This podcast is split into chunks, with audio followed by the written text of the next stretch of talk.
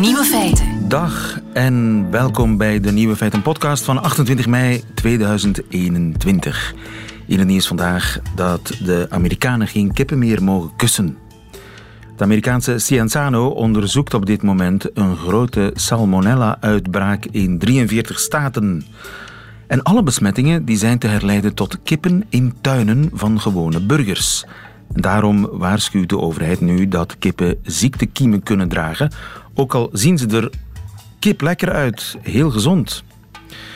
Wie kippen heeft, kan maar beter zijn handen wassen nadat hij zijn kippen heeft gevoederd of de eitjes heeft geraapt, zo luidt de richtlijn. En knuffelen of kussen met je lippen is dus helemaal uit de boze. Want, zo zeggen de experts, op die manier krijgt u de ziektekiemen heel snel via uw mond binnen. En kan u ernstig ziek worden. Lap, hoe moet ik dat nu weer uitleggen aan mijn kip Justine? De andere nieuwe feiten vandaag. Mannen hebben even weinig last van bijwerkingen van het AstraZeneca-vaccin als vrouwen. China voert een lege bordpolitiek in tegen de voedselverspilling. Oostenrijk heeft volgende week een coronapaspoort waarmee u op café kan gaan, bijvoorbeeld. En president Macron van Frankrijk vraagt vergiffenis aan Rwanda voor de kwalijke rol van Frankrijk in de genocide. Vergiffenis, vraagt hij, maar hij maakt geen excuses. Wat is het verschil? En de nieuwe feiten van Bas Birker, die hoort u in zijn middagjournaal. Veel plezier. Nieuwe feiten. Het middagjournaal van Nieuwe Feiten, ons dagboek zeg maar, is deze week in handen van Bas Birker, de stand-up comedian. En gisteren bleek er in zijn huisgezin grote coronacrisis. Omdat zijn vrouw een uitnodiging had gekregen voor het AstraZeneca-vaccin en hij zelf voor Pfizer. Kom aan, zei ik. De kans op bijwerking is bijna nul. Vrouw lief knikte. Rationeel weet ik dat maar emotioneel blokkeer ik. Met mijn geluk en voorgeschiedenis zul je net zien dat ik die ene ben die toch nog bijwerkingen krijgt. Waarom kunnen we niet gewoon ruilen? Mannen lopen geen risico. Ze had een punt. Waarom kunnen we eigenlijk niet ruilen? Als een vaccin gevaarlijk is voor vrouwen, maar niet voor mannen, waarom geven we dat dan niet aan mannen en een andere aan vrouwen? Waarom geven we het vaccin van AstraZeneca, dat blijkbaar bij vrouwen zeer zeldzame maar ernstige bijwerkingen kan hebben, niet gewoon alleen maar aan mannen? Bas Birker gisteren in het Nieuwe Feiten Middagjournaal. Goeie vraag, Bas. Ik zou zeggen over naar de taskforce vaccinatie. Dokter De Mazeneer, goedemiddag. Goedemiddag. Jan De Mazeneer, professor eh, huisartsengeneeskunde en lid van de taskforce vaccinatie. Klopt het dat vooral vrouwen last hebben van die uiterst zeldzame bijwerkingen van AstraZeneca? Wel, men heeft gezien in de eerste onderzoekingen, eh, vooral in de Verenigde Staten, dat de eerste groep die die bijwerking vertoonde, dat daar de vrouwen zeer sterk vertegenwoordigd waren. Eigenlijk maar een paar mannen en de rest waren allemaal vrouwen. Men is dan natuurlijk gaan kijken, hoe komt dat? En dan zag men ja, dat bij die mensen die eerst waren ingeënt, veel zorgverstrekkers waren. En dat zijn natuurlijk veel meer vrouwen dan mannen die in de zorg werkten. Als men dat dan nadien controleert en gekeken heeft van ja, in verhouding tot het aantal vrouwen dat wel ingeënt en het aantal mannen dat we ingeënt hebben, bij wie zien we die bijwerkingen, dan kwam men bijna aan 50-50. Uh, men is dan dat verder gaan opvolgen en ik moet zeggen, het beeld is nog altijd niet heel duidelijk. Het is zeker niet zo dat het exclusief een probleem is wat bij vrouwen wordt vastgesteld. Uh, men ziet het ook bij mannen. Iets meer toch blijkt bij vrouwen dan bij mannen, maar zeker niet van die aard om te gaan zeggen we gaan het leven simpel maken. Uh, vrouwen geen AstraZeneca dat geven we aan mannen. En op die manier is de zaak geklonken. Ik denk dat dat iets te kort door de bocht is en dat daar zeker vandaag geen wetenschappelijke argumenten zijn om het zo te doen. Lag dat op tafel bij jullie ooit, die vraag? Zullen we Pfizer niet vooral reserveren voor vrouwen en AstraZeneca dan alleen aan mannen geven? Ik moet zeggen dat die vraag nooit als dusdanig uh, in de vergaderingen is gesteld. We hebben wel de informatie gekregen, onder andere door uh, professoren vaccinologen, die ons gezegd hebben: het beeld in het begin bracht ons op dat spoor van is het toch niet iets wat exclusief voor de vrouwen is, maar eigenlijk heeft men dat beeld gecorrigeerd. Ik moet zeggen dat men nu voor Johnson Johnson, waar ook inderdaad zeldzaam diezelfde bijwerking uh, is opgetreden, en jammer genoeg ook recent ook in ons land in één situatie situatie bij iemand die niet in België was ingeënt, maar die toch een uh, complicatie heeft gedaan op Johnson Johnson, die uiteindelijk uh, slecht is afgelopen. De vrouw is overleden. Wel, dan uh, moeten we toch vaststellen, ja, dat is hier ook weer één situatie. Die cijfers moet je toch globaler bekijken, zeker bij iets wat zo zeldzaam is als deze bijwerkingen. En die zijn inderdaad zeer zeldzaam. men schat op dit moment dat er zich milde vormen van bijwerkingen voordoen bij 1 op 200.000, uh, 250.000. En fatale bijwerkingen die eigenlijk aanleiding geven tot het overlijden, voor zover men nu gedocumenteerd is, zit dat eerder op de niveau van 1 per miljoen uh, ja. inentingen. En dan dus hebben we het over Johnson Johnson. Uh, voor AstraZeneca is dat het geval. Voor Johnson Johnson hebben we nog niet zulke grote reeksen om daar uh, conclusies over te trekken. U weet dat men met dat vaccin later is begonnen. Dus we moeten hier nog even afwachten om daar juist die cijfers in beeld te krijgen. Omdat ik heb hier voor me liggen, ik weet niet of die cijfers uh, nog accuraat zijn of, of geüpdate zijn, maar in verband met Johnson Johnson, dat er toch een vrij significant verschil is tussen mannen en vrouwen wat betreft die bijwerkingen. Um, in de categorie van de dertigers kreeg 1 op de 80.000 vrouwen bijwerkingen. Bij de mannen 1 op de 700.000. Dat is toch een groot verschil hè, tussen 80.000 en 700.000. Dat klopt. En die informatie is men nu aan het verwerven. Uh, u ziet, het gaat over kleine getallen. Vooraleer u dan conclusies trekt om uw beleidsstrategie rond vaccinatie aan te passen, is het natuurlijk heel belangrijk dat u inderdaad weet dat dat cijfer bevestigd wordt door verdere en grotere studies. En bij AstraZeneca hebben we gezien dat dat toch in de loop van de tijd ja. wat evolueerde. Dus ook hier moeten we zien dat we niet voorbarig conclusies trekken. Even maar afwachten nog, maar het, zou, het is niet uitgesloten dat je zegt Johnson Johnson, dat gaan we toch echt niet aan vrouwen geven en reserveren voor jonge mannen. Uh, op dit moment ligt het niet op tafel, maar we gaan de wetenschappelijke inzichten volgen, kijken wat er gebeurt op grote groepen en zien of we daar uh, conclusies moeten aan verbinden. Men mag natuurlijk nooit vergeten dat uh, het risico om COVID te krijgen en complicaties van een COVID-besmetting te krijgen veel groter is doordat men niet zou vaccineren dan het risico op een bijwerking wanneer men mensen wel vaccineert. En dat is natuurlijk in de strategie ook belangrijk. We moeten blijven iedereen motiveren om zich te laten inenten, maar uiteraard goed opvolgen uh, waar zich uh, verwikkelingen voordoen. En moest daaruit blijken dat daar een verschil is tussen mannen en vrouwen, wat een verandering in onze strategie zou kunnen motiveren, dan kunnen we daarover nadenken. Maar op dit moment is dat niet aan de orde. Duidelijk. Dankjewel, Jan de Mazeneer van de Taskforce Vaccinatie. Goedemiddag. Graag gedaan.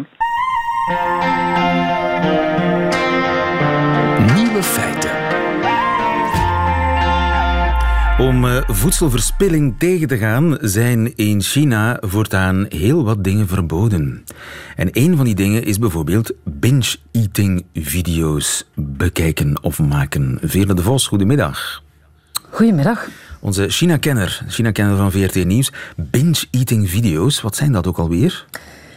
Ja, dat, heet, um, dat is eigenlijk een uh, Koreaanse term. Mukbang heet dat in het Koreaans. En dat zijn een soort schransvideo's. Nu, ik moet eerlijk bekennen, ik kende het zelf ook niet. Maar uh, mijn zoon heeft mij gisteravond ingewijd. En ik kan mensen zeggen die het zelf willen proberen, doe dat niet net voor of na het eten. Je zoon heeft je ingewijd? Ja. Hij maar, kende het wel. Hij kende het wel, ja. Ik, ik kende ook het woord mukbang meteen. Dat was uh, dat geen geheim voor hem. Nu, um, en dat zijn mensen die zich voor de camera volproppen. Ja. Ja, dat zijn video's waar mensen um, voor de camera zitten met voor zich een grote kom of, of schotel met eten. De, de, camera staat ook op dat eten gericht. Dus je ziet dan een reuze kom met noedels of uh, grote schotels met blinkende varkenskoteletten, uh, reusachtige kreeften, monsterachtige oesters. Uh, dat wordt dan allemaal bedekt met heel veel saus en met heel veel slurpen wordt dat naar binnen gewerkt. En dat is een sport. En, dat, is een, dat is een sport. Dat is voor sommige mensen ook een, eh, een inkomen. Want uh, die video's worden gedeeld op TikTok en op andere Chinese apps. En hoe meer kijkers, hoe meer geld je daarmee kan verdienen. En uh, dat is dus een soort businessmodel. Dat bestaat al een paar jaar, maar de laatste jaren loopt het behoorlijk uit de hand. En um, ja, Xi Jinping, de president, heeft een nieuw stokpaardje, voedselverspilling. En dus is dat vanaf nu verboden. Oké. Overigens komt net binnen dat ook in Zweden is er zo uh, maatcoma, coma eten eigenlijk. Dus het is kennen niet alleen of uitsluitend een, uh, een, een, een, ding in het Verre Oosten. Um, populair op de sociale media en op YouTube. Mensen die zich ja, tot barstens toe volproppen. En dat willen ze nu gaan verbieden. En dat kadert in een, ja, een anti-eetverspilling of voedselverspillingspolitiek in, in China. Ja, dat is iets wat uh, al een jaar of zo aan de gang is. Het is uh, een beetje begonnen tijdens de coronapandemie in China. Het idee dat dat zou kunnen leiden tot voedselschaarste of bevoorradingsproblemen. Een tijd geleden had je ook die stijgende varkensvleesprijzen bijvoorbeeld, wat voor heel wat onzekerheid zorgde. Er waren overstromingen, die oogsten vernielden. Je hebt ook die handelsoorlog met de Verenigde Staten en Australië. Enfin, dat maakt eigenlijk dat de Chinese leiders bang zijn ja, dat er misschien voedselbevoorradingsproblemen gaan komen. En dat is, ja, er is in China nog altijd een soort trauma van, van hongersnoden die ze hebben meegemaakt en de politieke onstabiliteit die dat voor gevolg heeft. Dus als het slecht gaat, als er voedselproblemen zijn in China, dan ja, moeten daar koppen bij rollen. En dan is dat in dit geval de, de leiding van het land. En ja, de communistische partij is toch heel erg bezig met zijn eigen voortbestaan. En dus is er nu die enorme campagne um, om voedselverspilling tegen te gaan. En dat is nu uiteindelijk in een wet gegoten, waar onder andere in staat hè, dat dus die schransvideo's niet meer gemaakt of vooral niet meer gedeeld mogen worden, maar dat het ook verboden is bijvoorbeeld om op restaurant te veel eten te bestellen. Um, en het is verboden om op restaurant te veel eten te bestellen. En wat is te veel? Ja, dat is, dat is een probleem in China. Um, het is namelijk zo dat mensen in China altijd te veel eten bestellen op restaurant. Dat is eigenlijk de regel. Dus als je in China gaat eten, dan bestel je een aantal schotels um, die dan gedeeld worden door het aantal mensen dat aan tafel zit. En de regel is n plus 1. Dus je telt, stel dat je met vijf mensen gaat eten, dan moet je zeker zes schotels bestellen. Um, ja, waar heeft dat mee te maken? Ja, eten is heel belangrijk in China, maar het is ook belangrijk voor een gastheer of voor iemand die een bedrijfslunch organiseert om, om gastvrijheid te tonen en dus welvaart te tonen. En dat wil zeggen te veel bestellen. Nu, toen ik eh, vroeger in China woonde, jaren geleden, herinner ik mij dat die overschotten op het einde van de maaltijd uh, werden die in een groot, grote emmers gegoten. En die emmers werden dan opgehaald door mensen op de fiets die met grote plastic containers aan hun fietsstuur naar het restaurant gingen. En dat ging dan naar de varkensboeren. Dus de varkens het werd eigenlijk niet verspild in de strikte zin. Het werd niet weggegooid, het werd nee, het was eigenlijk, gerecycleerd. Ja, het was een, Voilà, het was een circulaire economie avant la lettre. Dus dat eten ging naar die varkens en die varkens gingen nadien terug naar het restaurant. maar het is kennelijk toch een, een, een, cultuur van te veel. En inderdaad, als ik uh, Chinees bestel, dan ja, bestel ik uh, niet voor voor het aantal personen waarvoor ik het eten nodig heb, maar voor een paar minder. Hè? Want als je voor vier bestelt, krijg je voor acht. Ja. Ja, dat zijn Westerlingen, hè, dat doen wij dus, maar niet in China. En dus uh, de nieuwe aanbeveling nu is, in plaats van die N plus 1, hè, die ongeschreven regel, is het nu N min 1. Dus ook de Chinezen zouden, als ze met vijf mensen gaan eten, maar vier maaltijden mogen bestellen. En de bedoeling is dan dat die borden helemaal leeg zijn. Bordje leeg. De vraag is nu, dat, de ja, de vraag is natuurlijk Ja, de empty plate uh, operation heet dat. Heel erg moeilijk ligt dat in China. Um, de bedoeling is dus dat mensen inderdaad kleinere porties gaan bestellen. Uh, er zijn restaurants die een weegschaal aan de ingang van het, van het restaurant hebben gezet, waar mensen op moeten gaan staan. En dan wordt zo bepaald hoeveel ze mogen bestellen nadien. Oh iedereen moet eraan meedoen. Ik zei het al, ook de schoolkantines, de bedrijfsrestaurants. Daar worden controleurs naartoe gestuurd. En uh, er zijn zware boetes. Het is voor, menens. Het is uh, de Chinese overheid menens. Ja, ik heb de wet ook eens bekeken, in vertaling weliswaar. Die is bijzonder lang. Um, iedereen moet eraan meedoen. Um, maar ja, tot heel veel enthousiasme leidt het toch niet. Um, een paar reacties die ik al heb gelezen op sociale media zijn... Ja, kunnen ze misschien eerst iets doen aan, aan de functionarissen en de Chinese officials? Want daar wordt vooral te veel gegeten. Het zijn weer de, ja, de gewone mensen die het moeten doen. Uh, de, de rijke mensen zullen hun gedrag niet veranderen. En er zijn al zoveel controles in China, moeten ze ons dit nu ook nog afnemen. Dus de kans bestaat ja, dat die wet ja, op weinig eh, enthousiasme kan rekenen en wie weet ook wel eens dode letters zou kunnen blijven. Ja, want het zou een, een, een nieuwe culturele revolutie bijna kunnen worden, want het zit zo in de genen en in de gewoonten en de cultuur ingepakken van de Chinezen om te veel eten te bestellen. Dat klopt, dat klopt. Ja, we zijn dat, helemaal klaar. Uh, en ik, Veerle, we zijn, klopt toch? We zijn helemaal klaar, inderdaad.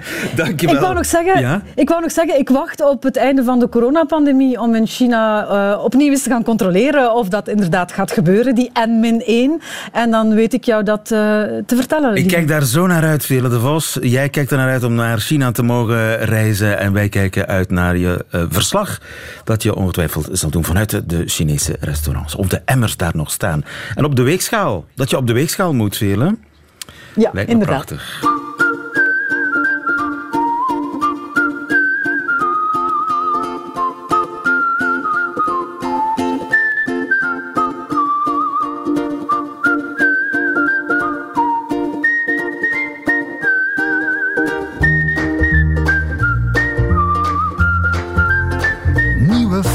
Met een uh, covid-paspoort op zak ongehinderd op café gaan. Dat kan vanaf volgende week in Oostenrijk. Jeroen Rijgaard, goedemiddag. Goedemiddag, dag lieven. Jeroen Rijgaard van VRT Nieuws. Volgende week vrijdag, om precies te zijn, treedt het covid-paspoort in werking in Oostenrijk. Dat uh, klopt, of dat is althans de bedoeling om het er vrijdag nu eens echt door te krijgen, want het moest er eigenlijk al zijn. Het was de bedoeling om vanaf half mei in Oostenrijk al te kunnen rondlopen met zo'n groen pasje uh, op de gsm. Het liep allemaal wat vertraging op, maar gisteren heeft het Oostenrijkse parlement het goedgekeurd. En ja, het idee zou zijn inderdaad tegen volgende week dat paspoort te kunnen uitrollen. En dan kunnen de Oostenrijkers dat dus, tenminste zij toch, die ja, ofwel genezen zijn, ofwel kunnen bewijzen dat ze negatief getest zijn of natuurlijk zij uh, die gevaccineerd zijn, die kunnen dan ja, genieten van het uh, zo vrij mogelijke leven. En kun je dan alles wat de pandemie verboden heeft doen?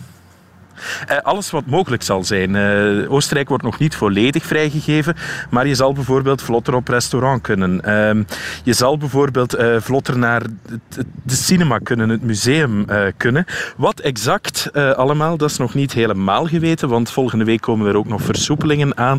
helemaal zoals vroeger zal het niet zijn, maar het zal er toch al redelijk op lijken. Vergelijk het een beetje, en daar hebben ze in Oostenrijk ook de mosterd gehaald natuurlijk, vergelijk het een beetje met wat in Israël al een tijdje kan, hè, uh, waar de vaccinaties de goede kant op gingen. En daarna kwam er dan ook zo'n paspoort, wel ergens die richting moeten uitgaan.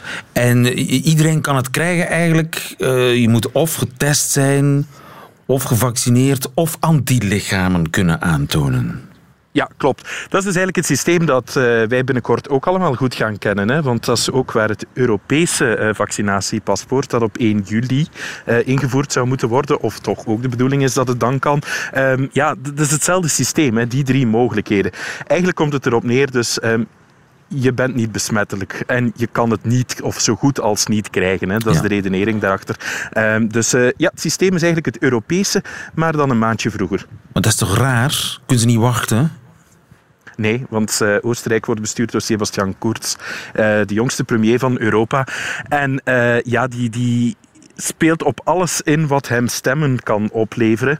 En sneller zijn dan Europa, dat uh, is voor hem heel belangrijk. Het komt er eigenlijk op neer om te zeggen van kijk, wij Oostenrijk zetten hier de lijnen uit en uh, de rest moet volgen. En dat is eigenlijk al de hele coronacrisis zo, uh, lieve. Oostenrijk was in alles zo wat de eerste om, om een lockdown af te kondigen, om dan weer alles losser te laten op het moment dat de rest van Europa nog in lockdown zat. Kurz is een haantje de voorste en ja, dat wil hij dus ook bij dat paspoort uitspelen. Maar wordt dat dan niet ingewikkeld als dat Europese paspoort er dan daadwerkelijk komt op 1 juli? Dan hebben de Oostenrijkers plotseling twee paspoorten nodig. Ja, dat zal vermoedelijk in elkaar overgaan. En gezien het systeem hetzelfde is en op elkaar gebaseerd zijn, uh, lijkt me dat eigenlijk, um, ja, beschouw het misschien als een groot experiment voor het Europese paspoort dat eraan komt. Uh, dus zo kan je het ook wel zien. Dus het zou kunnen dat Brussel van Wenen gaat leren.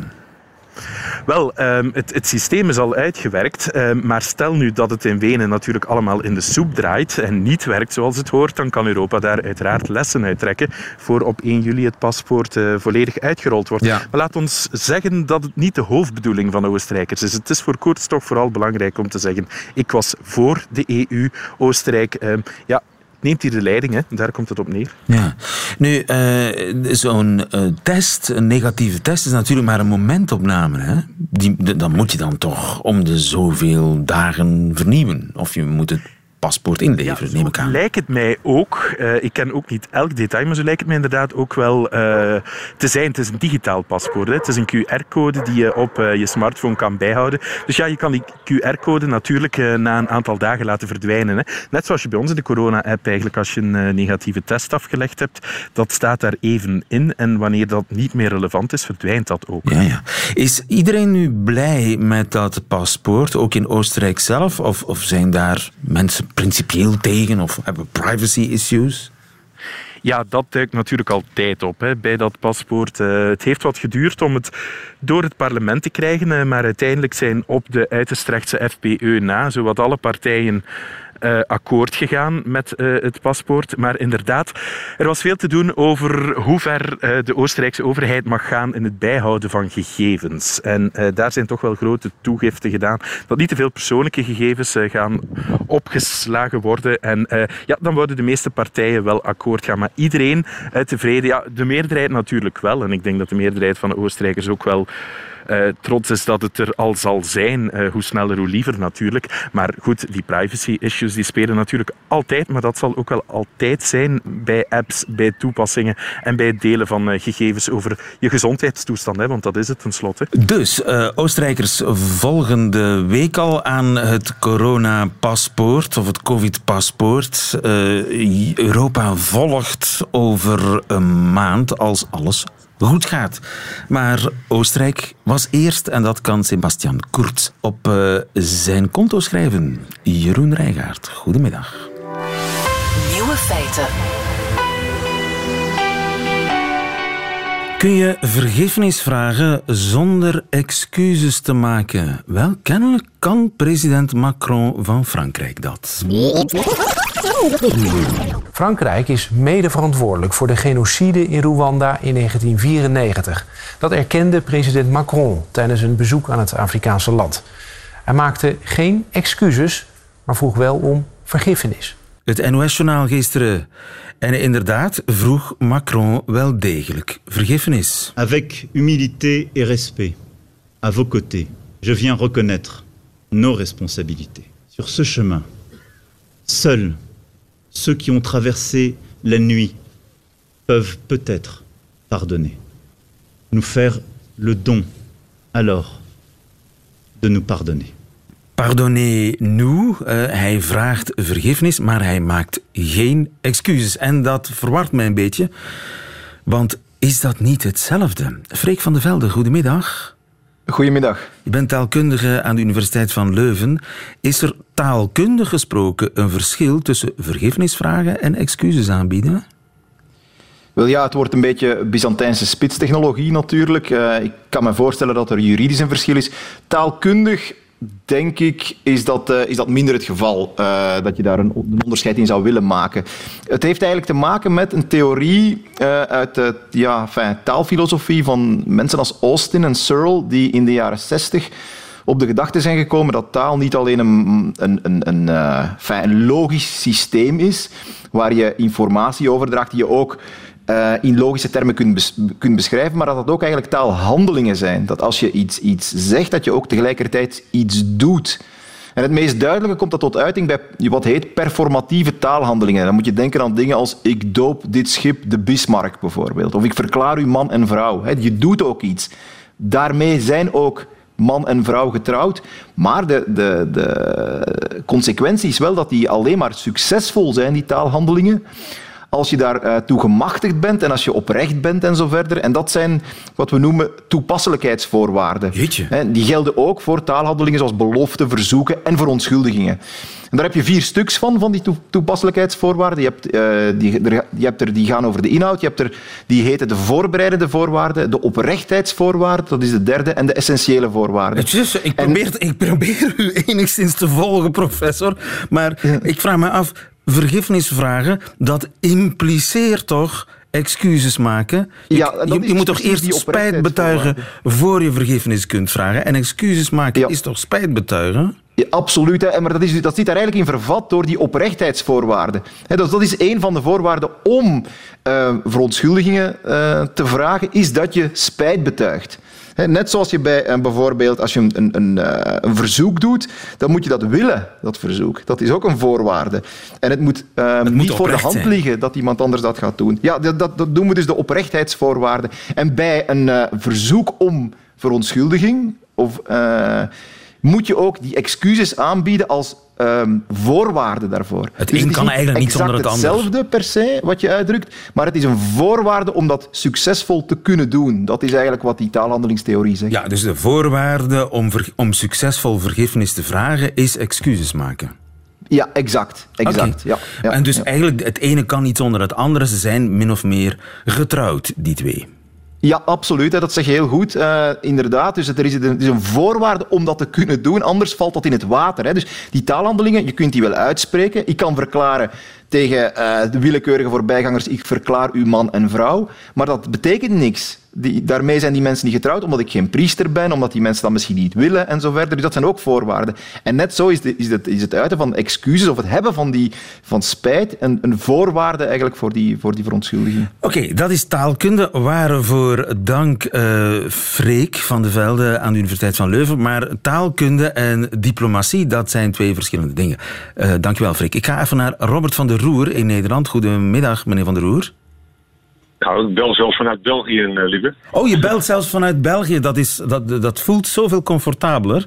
Uh, ja. je, je, bent uh, expert diplomatieke betrekkingen. we hebben ja. net gehoord dat taalkundig eigenlijk die twee met elkaar getrouwd zijn. Excuses maken en vergiffenis vragen. Het een kan eigenlijk niet zonder het andere. Ja. Is er diplomatiek een groot verschil?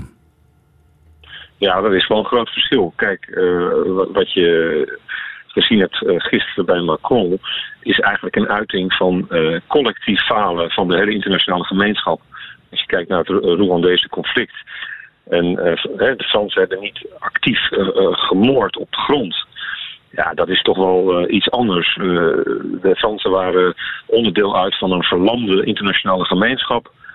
De Belgen waren daar ook bij betrokken. vergeet ook niet, Charles Michel heeft daar iets over gezegd in 2019. Verhofstadt premier in, ook in 2000 al. Okay. Er zijn en verontschuldigingen overigens de uh, verontschuldigingen inderdaad ook uh, aangeboden, want de, de letterlijke tekst was uh, iets met vergiffenis vragen, maar ook niet het formele excuus overbrengen. Wat is nu precies dat diplomatieke verschil tussen een excuus maken en een vergiffenis vragen?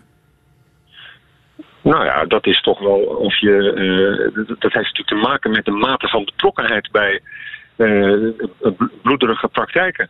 Daar zit een elementair verschil. Heb je actief meegedaan?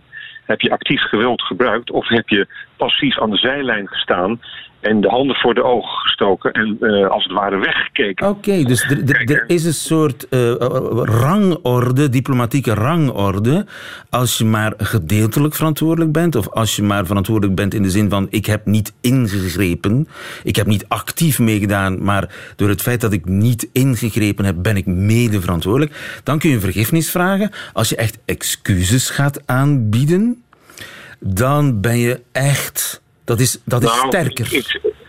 Ja, natuurlijk is dat sterker. Omdat je dan ook uh, uh, openstelt als het ware voor uh, juridische claims.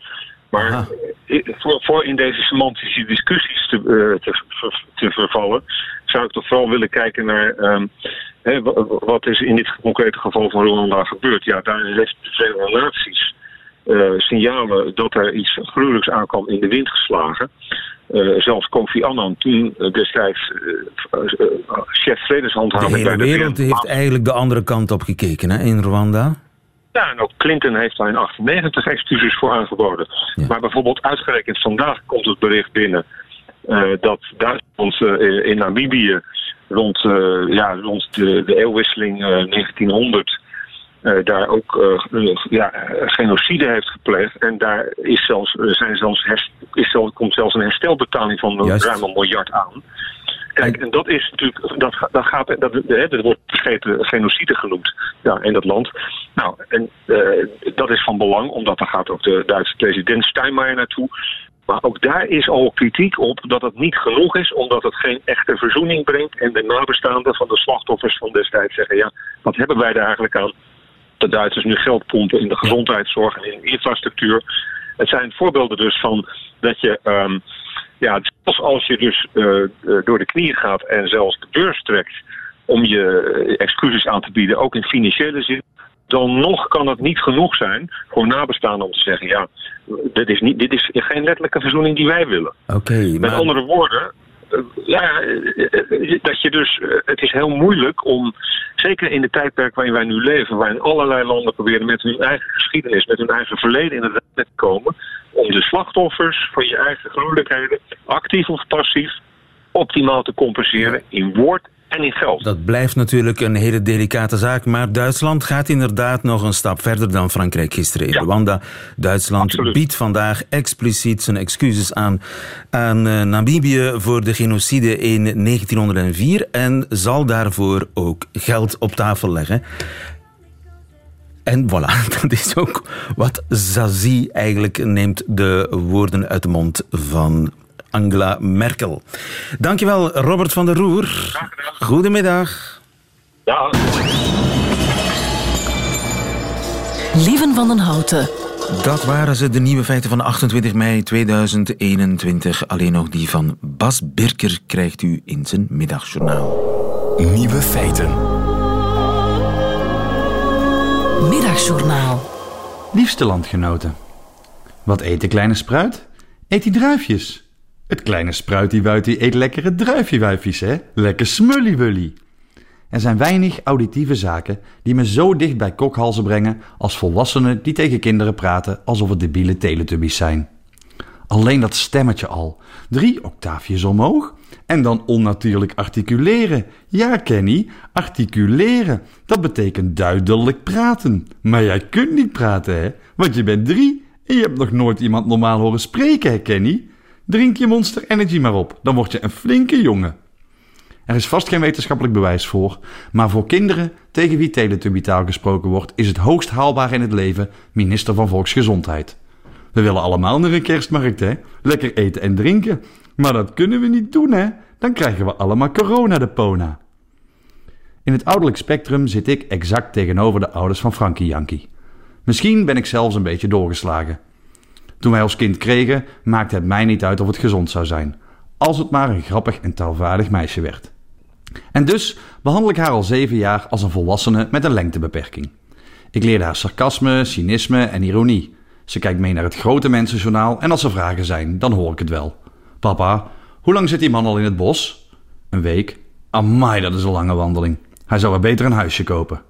Wat je erin stopt, komt er weer uit. Zodra je door hebt hoe je kind van binnen werkt, kun je ervan maken wat je wil. Een beetje zoals een land, maar dan met een betrokken bestuur. Het enige probleem met die kijk op opvoeden is dat het voortdurend in je gezicht ontploft. Wanneer ik word rondgecommandeerd door mevrouwtje de Oberstoombaanvurer en zeg dat ik helemaal niks moet, zegt zij: Jawel, je moet de hypotheek betalen. Twee zelfs. We liepen in Zouterlanden naar de winkel. Kijk, papa, die mensen hebben een nieuwe vijver, merkte ze op. Maar wel een hele kleine. Dat klopt, dat is een vierer. Net iets kleiner dan een vijver. Als hij wat groter was geweest, dan was het een zesser, zei ik, een oud-Brabants grapje recyclerend. En hoe heet dan een hele grote vijver? vroeg dochter Lief, met een kleine grijns op haar gezicht. Ik wees met mijn duim over mijn schouder richting de zee. Een achter natuurlijk, zei ik trots. Nanoe Birker schudde haar hoofd. Nee, papa, een hele grote vijver is een meer uitgeluld. Hoog tijd dat de theaters weer openen.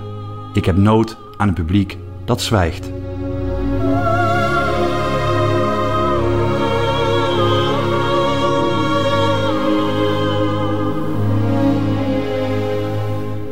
Het Middagjournaal met Bas Birker.